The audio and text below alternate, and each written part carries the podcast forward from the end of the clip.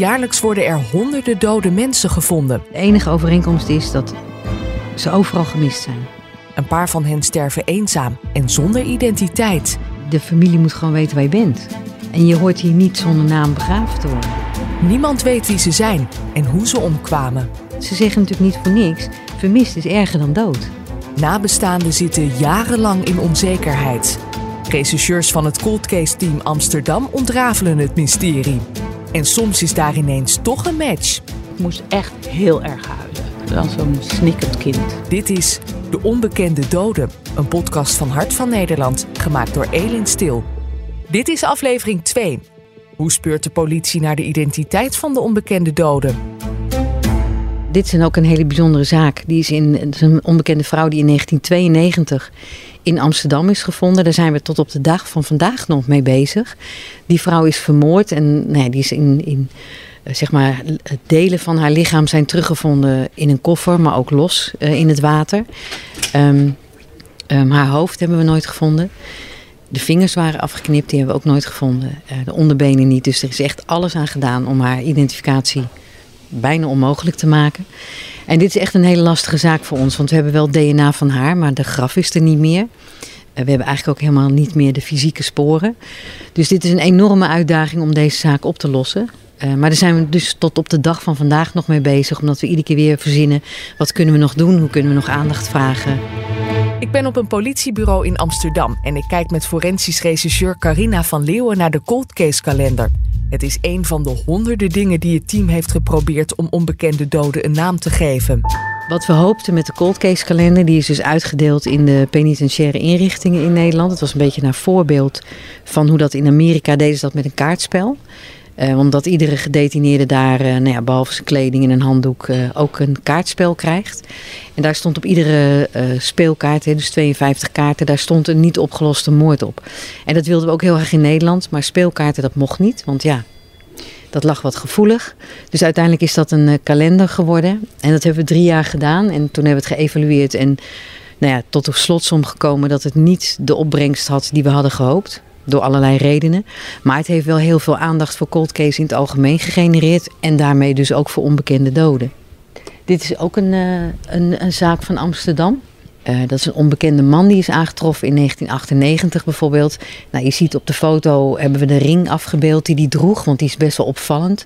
En met een bepaalde steen erin. Maar met name die tatoeage, die had hij op zijn buik. Dat is een hele grote draak die om een heel groot litteken zit. Nou, dat is toch heel opvallend. Dus je zou denken, ja, maar als je iemand kent, dan, dan weet je dit. Dat is heel opvallend. Maar goed, we hebben ook het vermoeden dat deze man niet uit Nederland komt. Uh, dus dat, dat is een, een, ook een lastige zaak. Want hoeveel dossiers heb jij nog in je kast staan? Even uit mijn hoofd. Volgens mij zijn er nog zo'n 60 of 63 onbekende doden die niet geïdentificeerd zijn. Maar heel eerlijk, daar zitten er ook zeker 10 bij waarvan ik denk dat het nooit meer gaat lukken. Um, van de meeste, bijna allemaal, hebben we wel DNA. Maar er zijn er een paar waar we geen DNA-profiel van hebben. Ja, dan wordt het zo ongeveer onmogelijk. Jij zegt, achter elk dossier zit een verhaal. Een van de verhalen die je mij vertelde een paar maanden geleden ging over twee jongens en een zakje met een boontje die ze bij zich hadden. Ja. Het was op een, uh, in 1994 legde er een schip aan uit Afrika en, uh, in de cacaohaven. Dat schip had dus ook allemaal cacao aan boord. Uh, en op het moment dat het ruim open ging, werden er twee lichamen gevonden van twee mannen. Um, ja, die hadden de oversteek niet gehaald. Er wordt natuurlijk ook allerlei gif ingespoten. Maar ook, uh, nou, ze hadden één klein flesje water bij zich. En ze hadden op hun ondergoed na ook alle kleding uitgetrokken. Dus waarschijnlijk is het ook heel warm geweest in dat schip. Oh, wat een uh, vreselijke laatste momenten. Ja. En allebei dood. Dus, en wat ze, waar ze precies aan overleden zijn, weet ik niet. Uh, er is geen sectie verricht toen. Maar goed, die zijn destijds begraven. Ehm, die graven waren er gelukkig nog. Dus toen we onze mooie dagen op Sint Barbara hadden om uh, die graven te openen, zijn zij uiteraard ook uh, opgegraven om DNA af te nemen. En toen ontdekten we dat ze allebei um, nog hun ondergoed aan hadden. En ook allebei een kettingje om. En daar zaten bepaalde kraaltjes in kleuren samengesteld in. En in leer eigenlijk ingenaaid een bepaalde schelp. Hm. Dus dat vonden wij wel intrigerend. Dat hadden we gevonden. En in de onderbroek van een van de twee. Daar zat een soort dubbele bodem in genaaid. En er zat een pakketje met geld nog in. Waar uh, dat... je de kom af van kon. Ja, Dus dat bleken uh, 35 Amerikaanse dollars te zijn. Wat hier niks is, maar ik denk daar heel veel. Dat waren gebruikte coupures. En er zat, um, ik weet niet meer hoeveel bankbiljetten van de West-Afrikaanse uh, bank. Alleen dat werd in heel veel landen gebruikt. Dus daar konden we al niet mee, uh, mee uit de voeten. Dat waren hele nieuwe biljetten.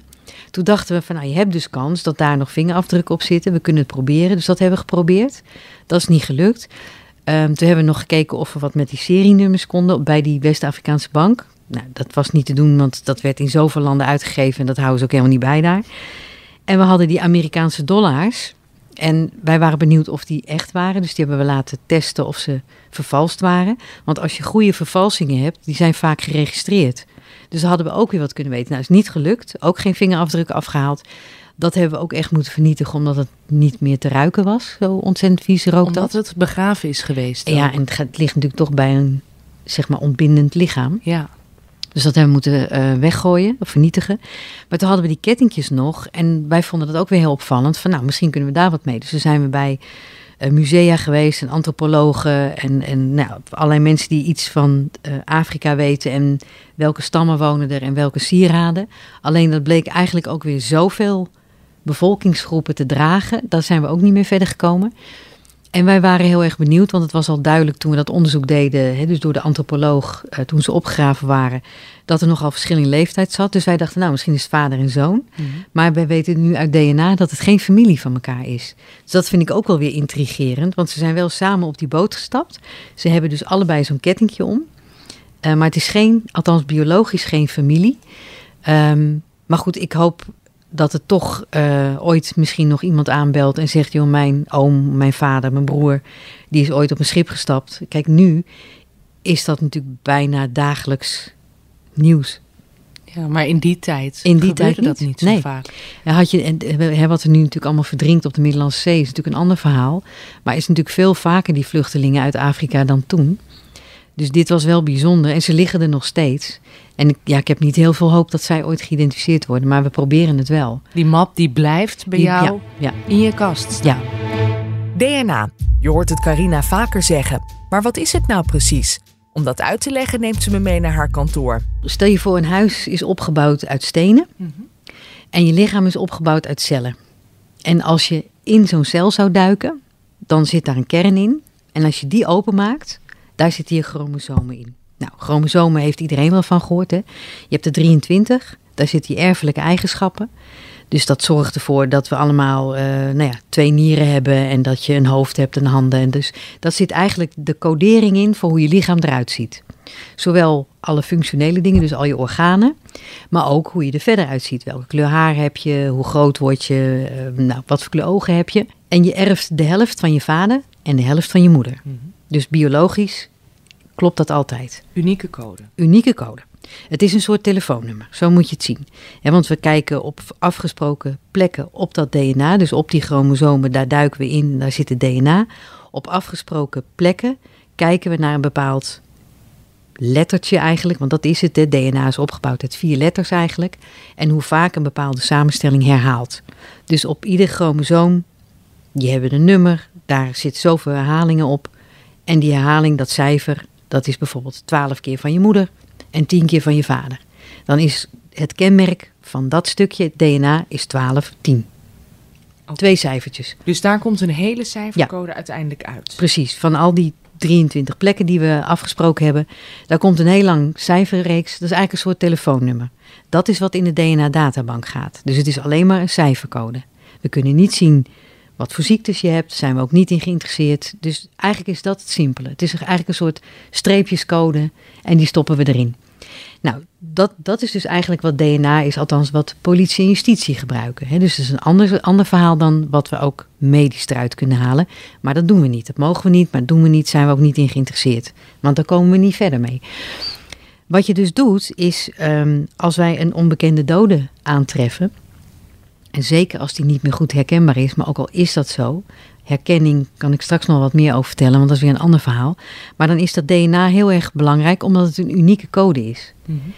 Um, dus we nemen dat DNA-profiel, dus krijgen we dat telefoonnummer, dat stoppen we in de databank en dan hopen we dat er wat uitkomt.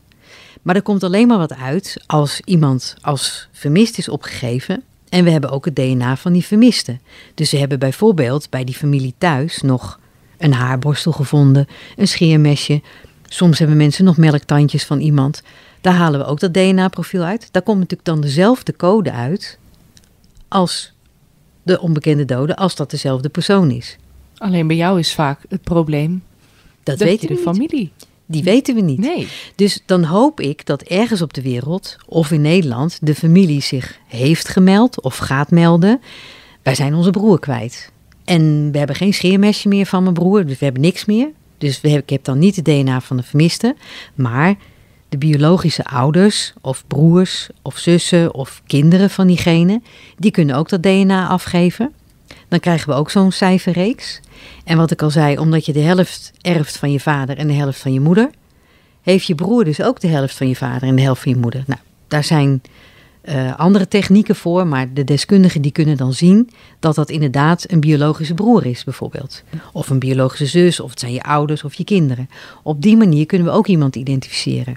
En omdat het een unieke code is, weet je ook zeker dat het klopt. Want dat is met uiterlijke identificatie natuurlijk soms nog best lastig. Dat is heel lastig, want wat we zien is, hè, stel, een, toch een, een groot aantal van onze onbekende doden zijn niet toonbaar. Ja, die hebben een tijdje in het water gelegen of nou, op een andere manier beschadigd. Maar ook zelfs als ze eh, eigenlijk goed toonbaar zijn, het zijn dan natuurlijk wel foto's van na hun overlijden, maar dan zijn ze goed toonbaar. Daar hebben we de ervaring mee dat mensen zeggen dat is mijn broer of dat is mijn neef, maar dan doen we toch DNA-onderzoek en dan blijkt dat die iemand het absoluut niet is Oeh, pijnlijk. pijnlijk. Maar ook andersom. We hebben ook wel dat wij op basis van DNA zeker weten dat het iemand zijn zoon is. En die mensen willen dat niet weten. Dat kan niet. Het kan niet mijn zoon zijn. Dus daarom is dat DNA zo belangrijk. eh, omdat dat echt onweerlegbaar is. Vinden mensen het eng om DNA af te staan, omdat het in een databank komt? Ja, ik denk dat heel veel mensen DNA eng vinden, omdat er heel veel over onbekend is. Er gaan natuurlijk ook heel veel wilde verhalen die of nergens op slaan, of wel ergens op gebaseerd zijn, maar net uit context wordt getrokken. Kijk, ik denk dat je een heel groot onderscheid moet maken in ehm, wat je met DNA kan en wat je met DNA mag. Dus wat je met DNA kan, is medisch natuurlijk veel meer. En dat is natuurlijk heel veel eh, ontwikkeling in en ook van groot belang. ehm, om bijvoorbeeld te weten als iemand eh, een vorm van kanker heeft en die moet bestraling krijgen of chemo, dat je dat af kan stellen op iemand zijn DNA. Dat is een heel ander verhaal. Dat gaat heel diep. Dat gaat ja. heel diep, maar dat zijn we helemaal niet in geïnteresseerd. Dus het, het grote verschil is, het DNA wat politie en justitie gebruiken, is dus alleen die, die cijfercode. En daar kunnen we alleen maar zien of je een man of een vrouw bent. Voor de rest kunnen we daar niks aan zien. Wat we tegenwoordig wel mogen, maar dat is een apart onderzoek. Wat we wel mogen is vaststellen, als we zo'n DNA-profiel hebben, wat voor kleur ogen iemand had, eventueel huidskleur en haarkleur. Maar dat is nooit 100%.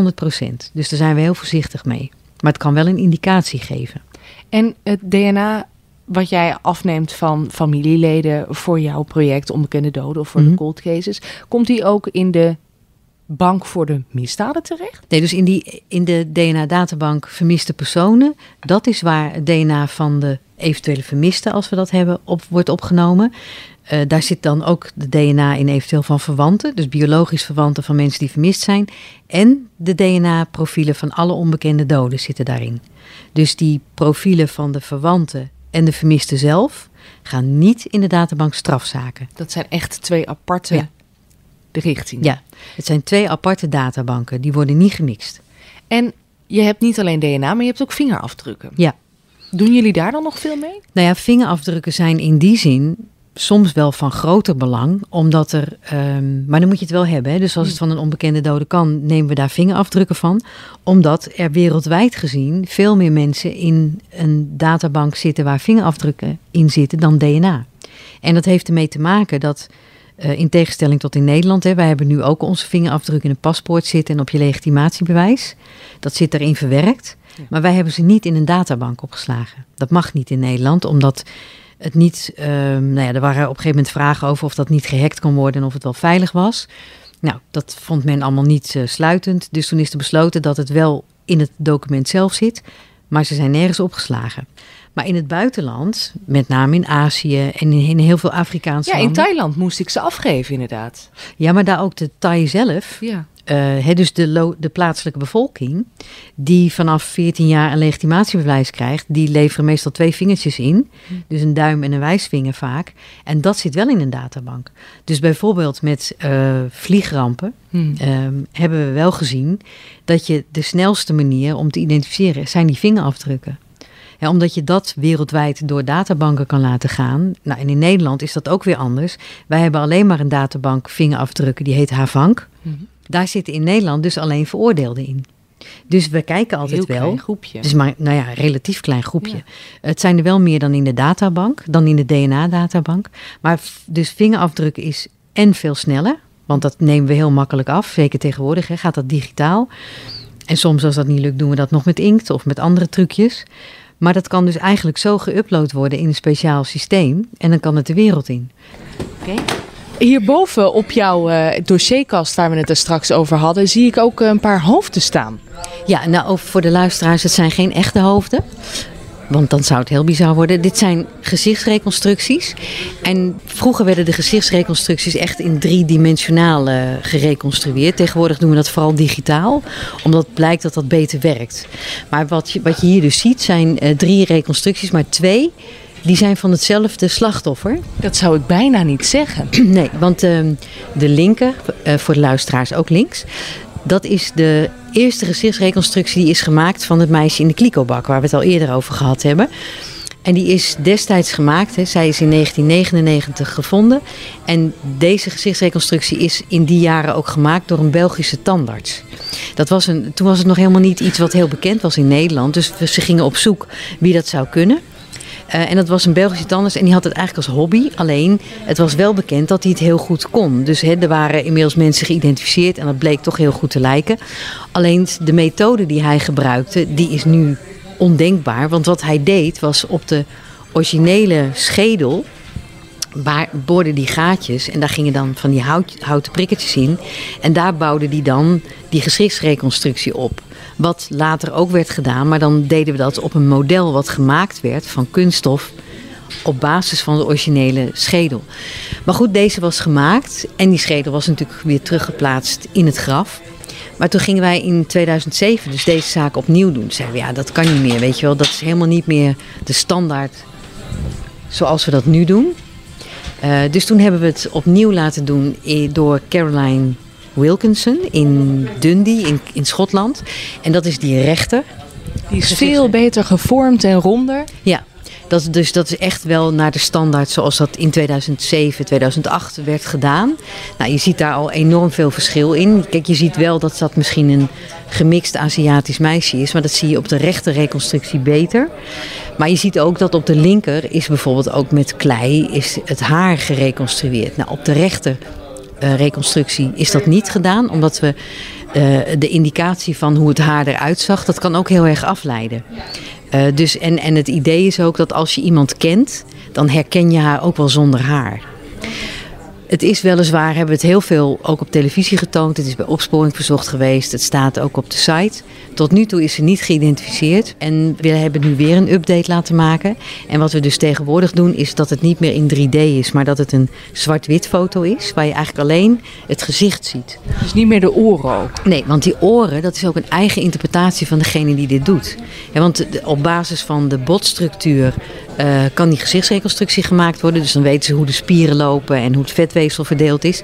Maar dan is bijvoorbeeld uh, wenkbrauwen, weet je vaak ook niet als die er niet meer zitten. Dus dat is een eigen interpretatie. En dat is hetzelfde als lippen. Die zijn heel moeilijk om te reconstrueren op basis van nou ja, wat er gevonden wordt. Omdat het kraakbeen vaak weg is. En daarom weet je dus ook niet hoe iemands oren zijn. Dus die zie je tegenwoordig niet meer. En dat blijkt beter te werken dan dit, wat ook in kleur is. Waarbij je denkt, ja, klopt die huidskleur nou wel? Leidt dat ook niet heel erg af. Dus dit doen we niet meer. Maar zo zie je eigenlijk wel de historie van 1999, 2007 en nu nou, 2023. Dat we het weer anders gaan doen. Maar dat blijven we dus wel iedere keer weer opnieuw doen als we horen van een nieuwe techniek. En dat is ook waarom jij nog potentie ziet in heel veel van die dossiers. Zeker, omdat ik echt denk dat als je dit gaat tonen en mensen kennen iemand, dan ga je iemand herkennen. Maar goed, het kan ook zijn, in dat weten we inmiddels ook van een aantal geïdentificeerde doden, dat um, familie bijvoorbeeld wel vermoedt dat iemand dood is. Zelfs dat het misschien een misdrijf is, maar dat ze niet naar de politie durven, omdat ze bang zijn voor hun eigen veiligheid. En dat kan best zijn dat het bij dit meisje ook het geval is. Hè, dat haar familie al lang weet dat ze dood is. En misschien ook zelfs dat het een misdrijf is. Maar dat ze zich niet durven melden. En dan hopen we toch altijd dat iemand die haar ook gekend heeft. Misschien van school, misschien van werk. Toch ons komt vertellen uh, wie ze is. En als we dan naar de familie gaan, dan kunnen zij tegen ons zeggen van we willen niet meer dat het bekend wordt of wij zijn bang. Of, ja, dan kunnen we in ieder geval duidelijkheid geven in waar wij staan met het onderzoek wat we willen doen.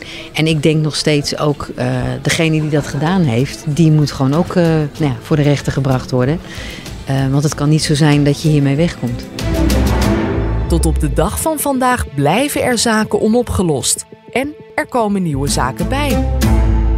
De, de meest recente onbekende dode van Amsterdam is van eind vorig jaar. Uh, maar wat je ziet, kijk, het grote verschil met de jaren negentig is dat we er nu ook per jaar een aantal hebben maar dat er meestal nou, één per jaar overblijft waar het niet lukt. Terwijl in de jaren negentig, daar, ja, daar hebben we de tientallen.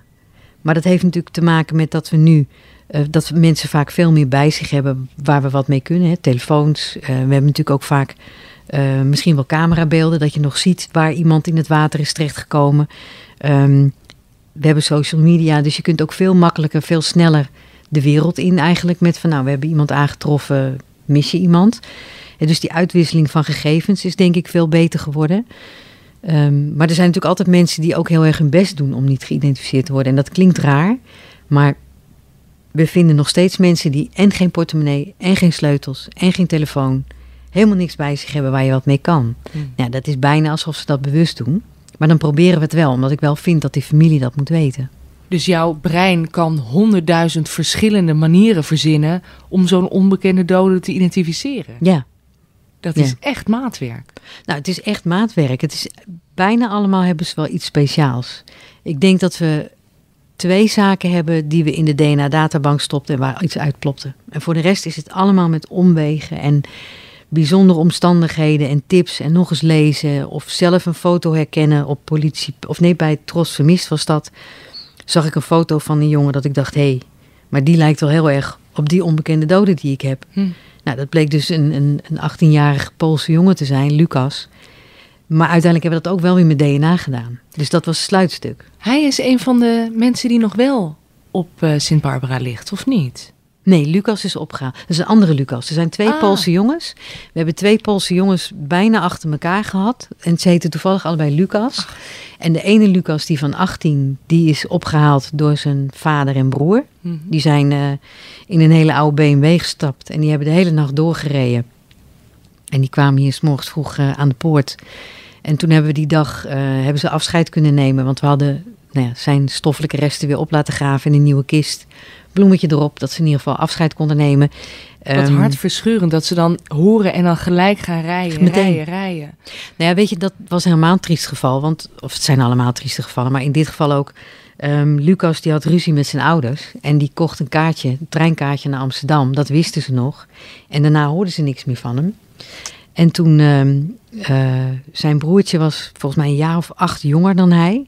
Dus toen hij wat ouder werd, um, is hij iedere keer naar Nederland gekomen om hier vakantiewerk te doen. En dan ging hij onderhand zijn broer zoeken. En ze zijn bijvoorbeeld ook bij Tros Vermist geweest. En toen kregen ze allemaal tips van uh, Lucas loopt in Almere, hij verkoopt tekeningen. En hij was daar gezien en daar gezien. Dus die mensen hebben overal gezocht. Totdat wij dus, uh, dat ik dacht, hé, hey, dat plaatje bij Tros Vermist. Vandaar dat hij daar op de site stond. Mm. En hé, hey, mijn onbekende doden, die lijken wel heel veel op elkaar. Dus toen via een Poolse tolk laten bellen. Dat is natuurlijk ook altijd ingewikkeld dat je het niet in persoon kan doen, maar met een tolk door de telefoon. Maar goed, dan, dan uit de emotie snap je wel wat er verteld wordt. Dus toen hebben we DNA afgelaten nemen van uh, vader en broer. Nou, dat bleek dus inderdaad dat het om Lucas ging. En die zijn inderdaad meteen in de auto gestapt en die hebben de hele nacht doorgereden. En toen hadden we dus geregeld dat de dag dat ze hier waren, dat hij gecremeerd kon worden. Want ja, zij konden ook die kist niet meenemen. En toen hebben ze met speciale toestemming de dag daarna mochten ze de urn meenemen. Dus die vertrokken weer de dag daarna sigaretten rokend nog ontbijt in weten te proppen hier. Want die, ze aten niet en ze rookten alleen maar. En ik dacht, het gaat helemaal niet goed. Dus, ehm, maar goed, weet je, het was, het was in die zin echt hartverscheurend. Omdat dat broertje, die vroeg maar steeds aan mij. Want deze jongen heeft dus bewust een einde aan zijn leven gemaakt. En dat broertje vroeg maar aan mij, waarom heeft hij dat gedaan? Waarom heeft hij dat gedaan? En toen, ja, ik kon alleen maar zeggen, ja, ik weet het niet. Want hij had, hij had geen briefje of zo. Nee. Hij heeft geen afscheidsbrief uh, achtergelaten. Dus ik weet het niet. Ja, het liefst wil je dat natuurlijk vertellen. En dus je vertelt zoveel mogelijk. En het is iedere keer een beetje aftasten, wat kunnen ze hebben? Weet je, want we weten vanuit de beschrijving van de machinist hoe die dat gedaan heeft. Ja, willen ze dat weten? Dus dat moet je, ja, dat moet je aftasten. Wat willen mensen wel? Um, ik heb ook gevraagd van, uh, ik heb een foto van hem van toen hij is overleden. En hij ziet er heel mooi uit, want je ziet niks. Dus ik stop deze foto in een envelop en dan kunnen jullie zelf bedenken of je die ooit wil zien. Kijk, anders doen we dat natuurlijk niet als het er niet uitziet. Maar je doet echt, echt heel veel om die familie mee te geven ja. wat je kunt. Want ik wilde je natuurlijk vragen, ja, wat is hier zo mooi aan? Maar als ik jou hoor, hè, deze hebben zo lang gezocht. Nou ja, eh, de zoon van de mevrouw in de Amsterdamse lift, die heeft uh, zo lang uh, veel vliegreizen gemaakt. Dan denk ik dat ik het antwoord al heb. De wanhoop van mensen. Nou, dat is het. Weet je, ik denk wat, wat onderschat wordt, is dat iedere onbekende dode hier wordt ergens op de wereld vermist. En de ene familie misschien meer dan de andere, maar dit soort verhalen hoor je. Weet je, en ik denk ook dat iedereen, als je je inbeeldt, neem iemand die bij je in huis woont, waar je heel veel van houdt, die is ineens weg. Hmm. En je zoekt en je zoekt en je zoekt en je hebt geen idee waar iemand is, wat er gebeurd is. Weet je, en dat, ze zeggen natuurlijk niet voor niks, vermist is erger dan dood. En dat denk ik ook wel. Het niet weten waar iemand is, is nog erger dan dat je weet dat iemand dood is. Waar ligt dat aan? Ik denk de onzekerheid. Dat, dat je inderdaad denkt van, uh, oké, hij is naar Amsterdam gegaan. Maar wat, wat gebeurt er met hem? Wordt hij ergens vastgehouden? Uh, wordt hij mishandeld? Wordt hij misbruikt? Uh, wat is er met hem aan de hand? En natuurlijk luisteren of, of te horen krijgen dat iemand dood is, is ook erg. Maar dan kan je ook vertellen wat er gebeurd is. En dat is misschien ook verschrikkelijk. Maar vaak bedenken mensen het nog veel erger dan dat het was. Hm. En dat, dat is natuurlijk heel algemeen. Hè? Want als jouw kind vermoord is, is het natuurlijk misschien een heel ander verhaal. Maar dan nog, ook in die cold cases willen mensen gewoon weten wat er gebeurd is. Omdat anders gaat je fantasie ook op de loop. En daarbij, als het gaat over een vermissing, die mensen kunnen niet verder. Ze willen niet verhuizen, want als die thuis komt. Daarnaast is het natuurlijk, maar dat kan Ari nog veel beter vertellen. Wat er ook praktisch en zakelijk natuurlijk een rampenplan wordt. Want als het een volwassene is, een salaris stopt. Uh, de zorgverzekering kan je niet stoppen. De hypotheek kan je niet zomaar stoppen. Je kan een huis niet zomaar verkopen. Dus dat zijn de praktische dingen, los van het emotionele. Arie Zwaan, projectleider vermiste personen bij de politie Amsterdam. Ook hij is al jaren betrokken bij het project Onbekende Doden. Zijn eenheid krijgt zo'n 2500 meldingen van vermissingen per jaar. De meeste daarvan worden binnen drie weken opgelost. Als dat niet lukt, kloppen de teams bij Arie aan. Ook bij hem vind ik zo'n dossierkast met mappen. En beschrijf eens je kast. Het zijn allemaal groene mappen. Sommige dik, sommige dun. Ja, ja. ja de ene is een, een heel groot dossier. Daar hebben we gewoon wat meer van. En de, de andere zijn, uh, zijn wat, wat dunner. Ze zijn allemaal op, uh, op jaarbasis, of tenminste op, op jaren gerangschikt. Van, uh, nou ja, ik heb hier dan bij mij dan boven, is de, de eerste zak dan 1939, dan 1967, 1972. Ja, en zo gaan we uiteindelijk naar, naar 2018, 2019, 2020 de zaken. En uh, ja, de ene is heel erg dik, daar hebben we gewoon echt heel veel, heel veel gegevens van. Ja, en voor sommigen, ja, daar hebben we maar één of twee blaadjes van. Ja, en daar, daar moeten we het dan helaas mee doen. En ik zie foto's. Ja, ja van alle personen proberen wij toch foto's uh, uh, te, te, ja, te krijgen. Lukt ook niet altijd. maar ik heb zoiets van, nou ja, dan heb je wel het, het, het gezicht erbij. en ook zometeen met, nou ja, wij proberen te, te kijken of de vermist eventueel misschien uh, als omgekeerde doden zijn aangetroffen. Uh, toch te kijken van, nou ja, is er een link, is er een, is er een match eventueel. Dus ja, en dat varieert ook. Nu zien wij hele mooie gezichten. Vaak zijn het pasfoto's of nou ja, gewone foto's. Ja, heb je bij de onbekende doden. Ja, die foto's zijn natuurlijk niet altijd zo prettig om naar te kijken. En ik kan ook een heel vertekend beeld geven aan, aan de persoon. Het zijn mensen waar je het over hebt. Ja, ja. Dat vergeet je bijna. Als je hier zo die dossiermappen naast elkaar ziet staan. Ja, nou ja, als zou je dus, uh, zo denk ik in ieder geval over, als zou je dus eh, alleen een lijstje zeg maar, op een digitaal lijstje hebben, op Excel bijvoorbeeld, ja, dan heb je alleen een namen bij. En, en dan, weet je, dan weet je verder ook niet. En dan, maar ik heb nu echt zo van, ik wil een fysiek dossier. eh, en een foto erbij. Eh, ja, dat, dat, dat, dat spreekt veel meer aan en het komt ook veel meer op je af. En, en nou, je weet ook waarvoor je het doet. Ken jij die dossiers door en door? Ik denk dat ik eh 90% van alle zaken, echt, echt alles wat ik wel, wel ken, ja. Ja, maar gewoon omdat je ze ook natuurlijk allemaal hebt, hebt doorgenomen. Eh, en de een die heb je, heb je eh, wat langer, is alweer wat langer terug dat je hem hebt doorgenomen. Dus dat nou ja, verdwijnt ook weer een beetje de, de echte de feitenkennis. Maar in principe heb ik alle zaken heb ik, heb ik doorgenomen. Ja, en als je Ja. hier zo zit, je ziet nou minstens 50, want er staat nu één kast open. En al die gezichten kijken je aan, dus dan word je ook wel weer getriggerd. Ja, precies. Van, ja, hebben we eigenlijk wel alles gedaan in die zaken? En wat, wat kan er eventueel nog? Ook met name natuurlijk eh, ja, het DNA-verhaal. Ja. Dus eh, dat, eh, dat is natuurlijk echt ja, voor ons een hele mooie uitkomst geweest. Ja, we proberen toch te kijken of we zo snel mogelijk DNA van, van een vermiste kunnen krijgen.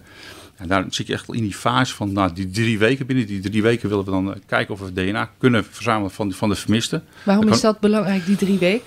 Nou ja, dan heb je heel vaak nog de sporen. Want anders zit je toch, eh, als het langer duurt, nou, dan zou je misschien weer DNA moeten af gaan nemen van verwanten. En op zich is dat ook prima, maar je hebt niet altijd verwanten. Ik zie jou echt met passie praten over al die zaken. Ja, ja, Het zit echt in je, hè, Ja. om ze op te lossen. ja, nou ja, dat is ook wel een dingetje. Ehm, ja, vermiste persoon over het algemeen, eh, was mijn ervaring, eh, is niet zo'n sexy onderwerp. En misschien mag ik het niet zeggen, maar over het algemeen bij de, bij, ja, binnen de collega's of bij de collega's, ja, is het niet zo'n sexy onderwerp.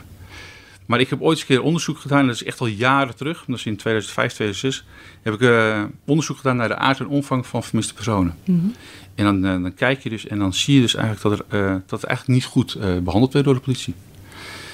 En dan pakt het je.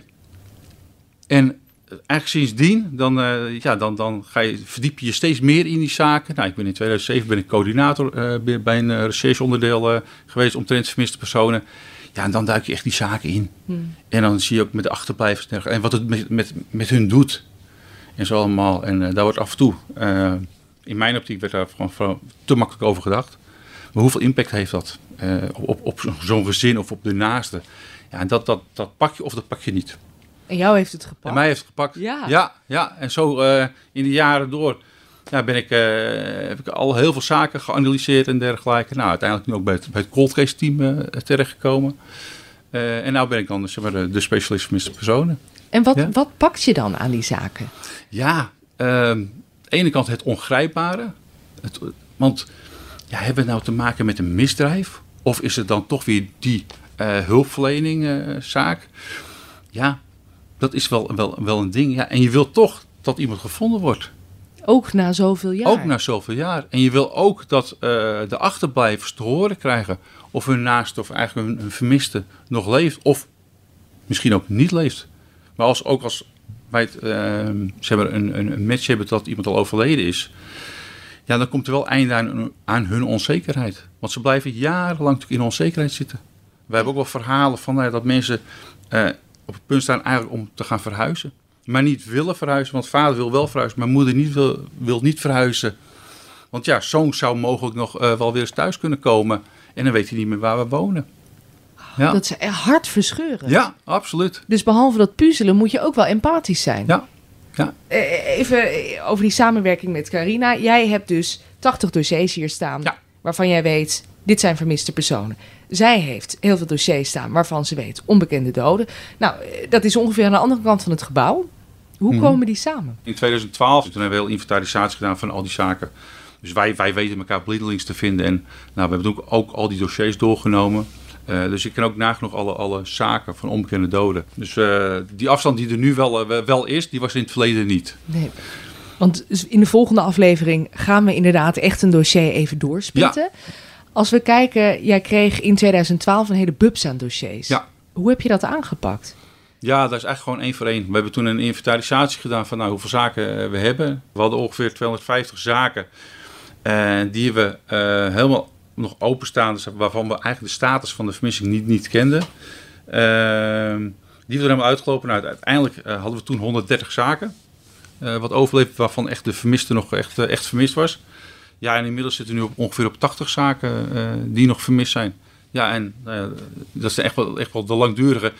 ja, je hebt best kans dat mensen, die vinden we nooit meer terug. Maar die blijven wel in, ons, eh, nou ja, in, in mijn kast staan. Om, omdat ik ze niet wil vergeten.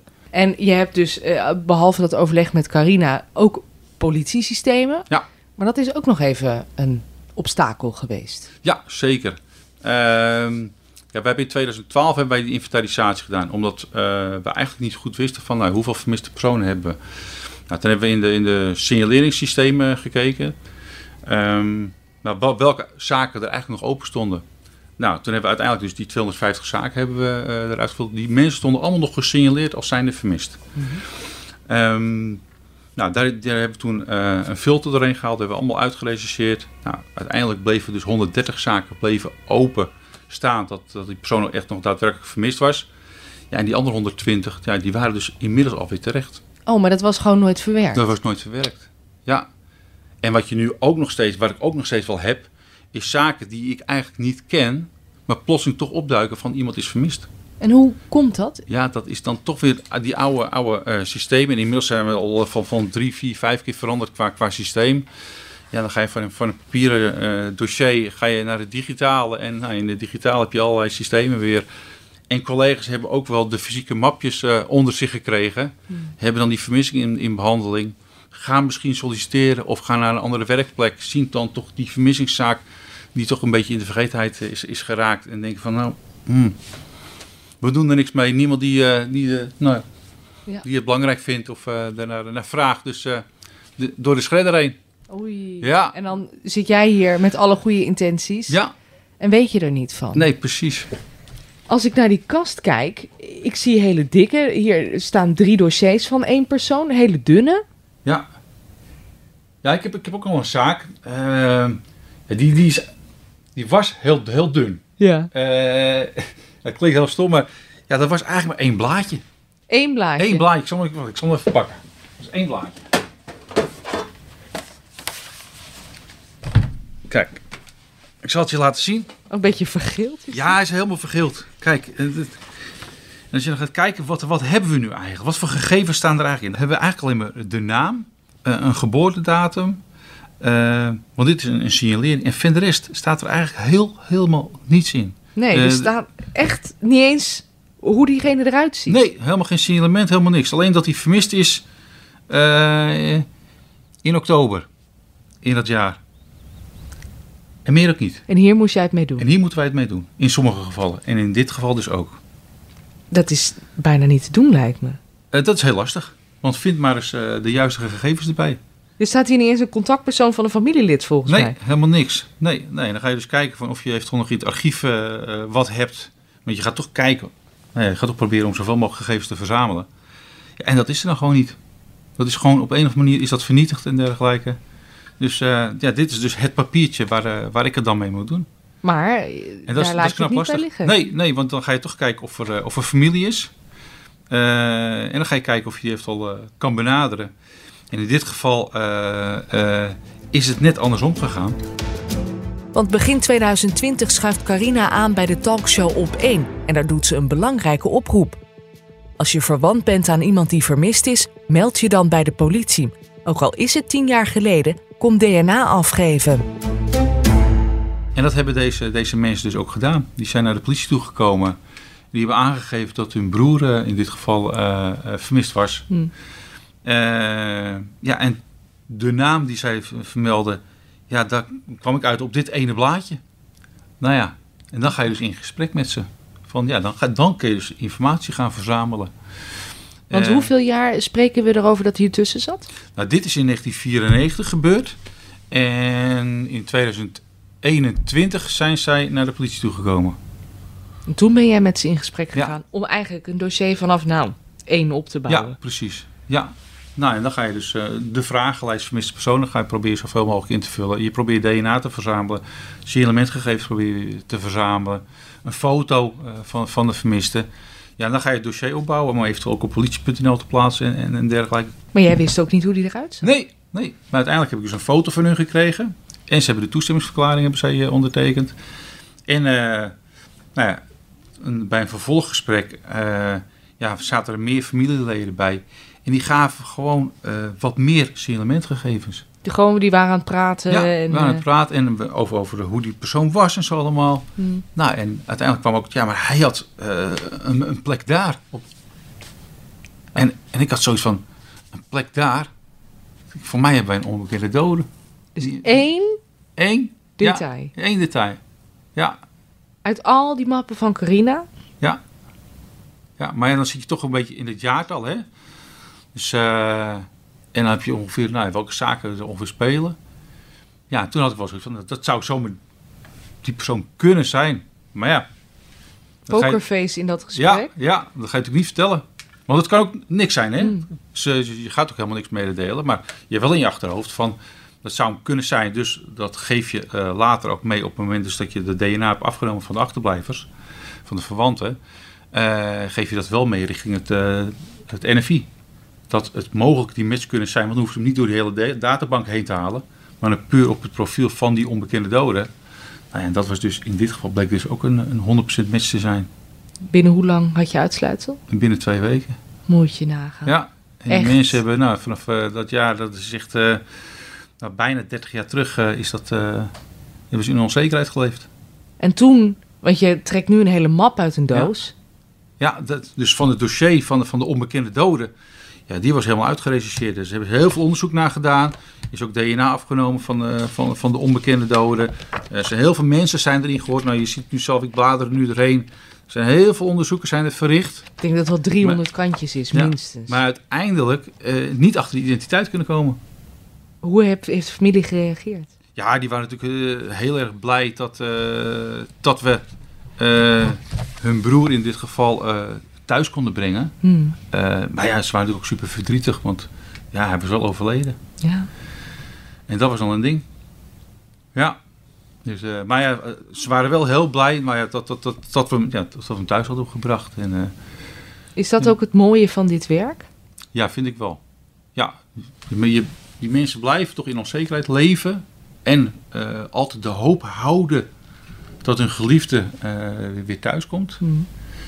Ja, en dan eh, hoop je natuurlijk altijd iemand levend thuis te brengen. Maar ja, dat lukt niet altijd. En in dit geval is, is, ja, heb je dus wel iemand thuis gebracht. En ze kunnen nu wel een plekje geven.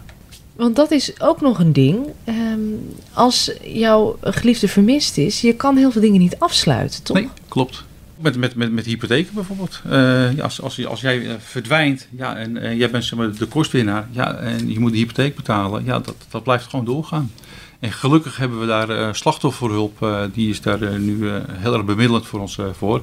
Dus die kunnen daar in principe dat eh, ehm, ehm, even tijdelijk stilzetten, Hmm. of later stil, stilzetten. Dus dat is wel heel prettig, maar in, in het verleden was dat niet zo. Dan bleef dat gewoon doorlopen. Verzekeringen, hypotheken, allerlei andere kosten die, ja, die, die eh, betaald moesten worden. Ja, die konden dan plotseling niet betaald worden. Nee, Nee, dus je dan, wilt het huis ja, aanhouden. ja, dus dan krijg je eh incassobureaus en dergelijke eh, over de, over, de, over de vloer en zo allemaal. Dus behalve bij dat emotionele aspect, Ja. geeft het hierbij ook uitsluitsel. Ja, absoluut. Ja. Ja. Maar Dus, in jouw kast in mijn kast zijn ze niet dood, absoluut niet. blijven ze altijd Ja. tot ze gevonden zijn. Ja. Ja. Al is het in de vorm van een Ja. match. Precies. En ik zal ongetwijfeld eh, met pensioen gaan. eh, en dan zullen ze nog steeds in de kast eh, blijven, blijven, blijven staan, zeg maar. Maar ik heb wel de hoop van dat er zeker nog een aantal uit mijn kast eh, echt wel eh, levend teruggevonden worden. En eh, misschien ook wel eh, een matches met een onbekende dode. In de volgende aflevering spreek ik met Marianne. Haar broer overleed, maar zij kreeg pas na 20 jaar zoeken iets te horen van de politie. Dat mijn broer eigenlijk vrij snel na de vermissing gevonden is. Maar dat dat nieuws nooit bij ons is gekomen. Ze vertelt over die slopende zoektocht. Er is altijd toch een soort van hoop en verlangen dat, dat, je, dat hij terugkomt. Hoe dan ook. En Arie en Carina vertellen hoe ze de identiteit van haar broer uiteindelijk achterhaalden.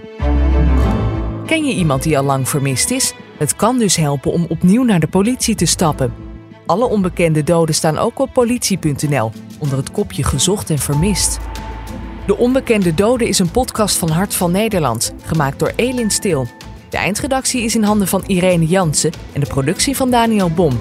De vormgeving is gedaan door Daniel Bohuis. Vond je deze podcast interessant? Geef hem een review in de podcast-app en deel hem. Hart van Nederland heeft meer crime podcasts, zoals Vrouwenmoord over femicide en Bloedband, waarin familieleden van daders aan het woord komen. Of luister eens naar Moord in de spirituele winkel over de moord op Iselle van de Velde.